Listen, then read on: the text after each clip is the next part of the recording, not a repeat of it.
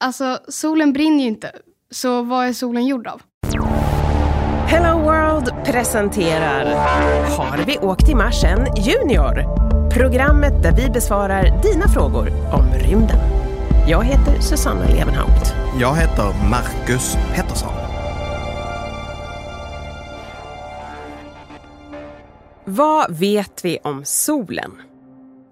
Om vi börjar med innehållsförteckningen på universum i stort så är väte det absolut vanligaste ämnet. Det utgör ungefär tre fjärdedelar av all massa. Det är det lättaste ämnet, har nummer ett i det periodiska systemet och var det första grundämnet att bildas i universum efter Big Bang.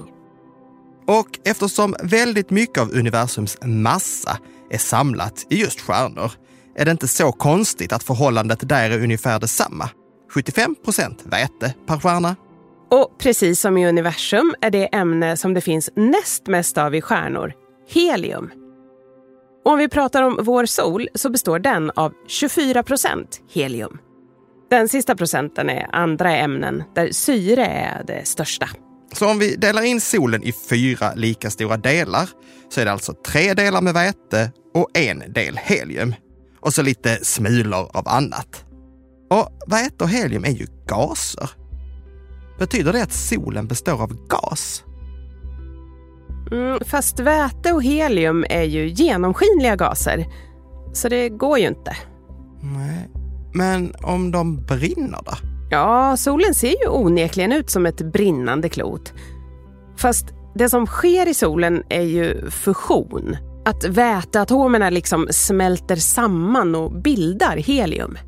Ja, och då blir solen varm och lyser gul. Som eld.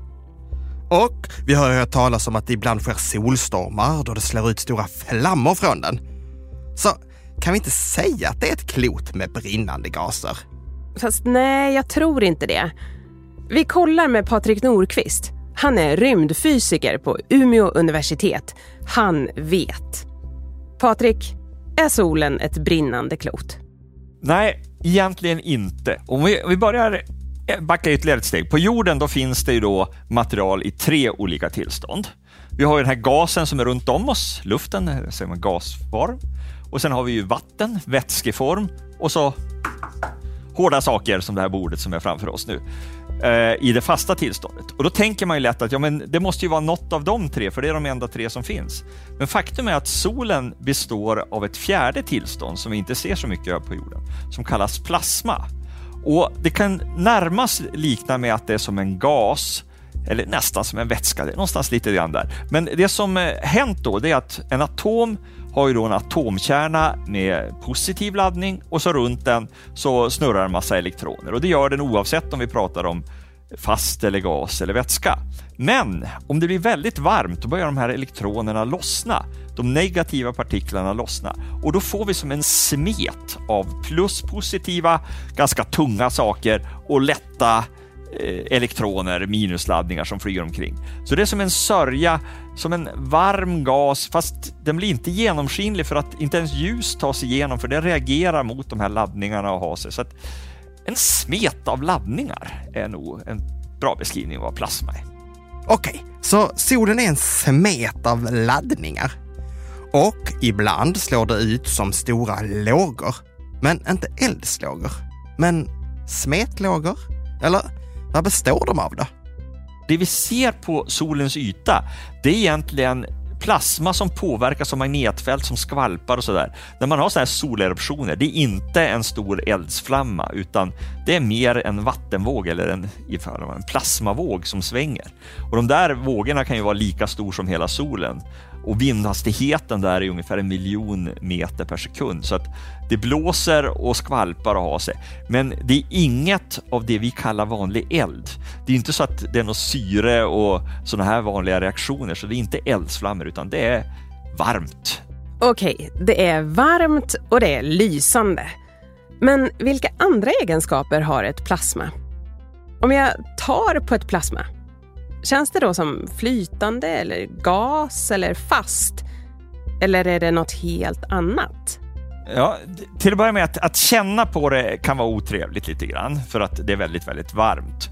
Eh, om man studerar det så beter sig det lite grann som någon slags mittemellan hur gas och vätska beter sig. För de elektriska fälten gör det, det är som att det blir som flöden och att, att det är så, men det är ju mer som vind som blåser och sådär. Det är ogenomskinligt ofta. Men, men det är ju tunt mer som gas. Va? Så att om man tänker sig en liter vatten väger ett kilo, en liter luft väger ett gram eller någonting sånt. Så är plasman mer tunn som luft, men ändå ser nästan ut som en vätska, som en väldigt tunn, konstig vätska. Hmm, en tjock luft. Som en dimma. Gelé, men utan att vara kladdigt. Eller som perfekt vispad grädde. Eller som en trögflytande luft, fast jättevarmt. Mm, det är ju märkligt.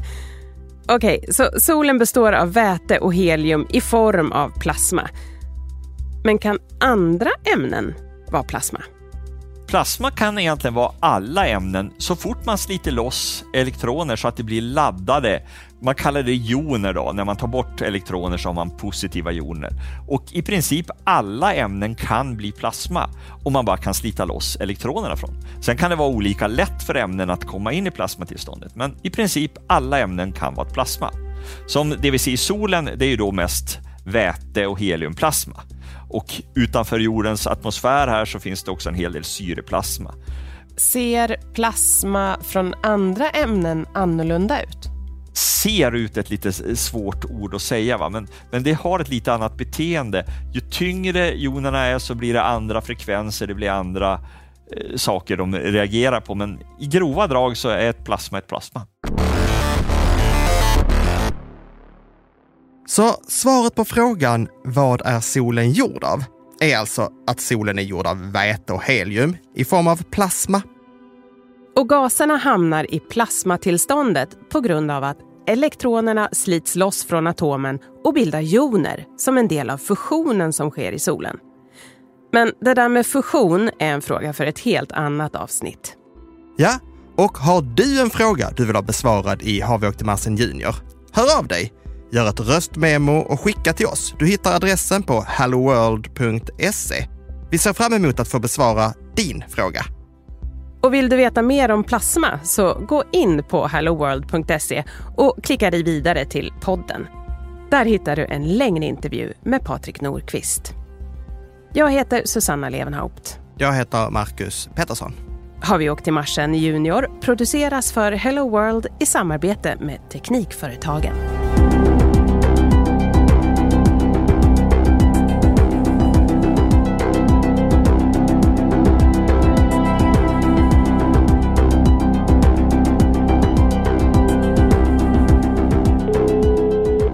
Hallå?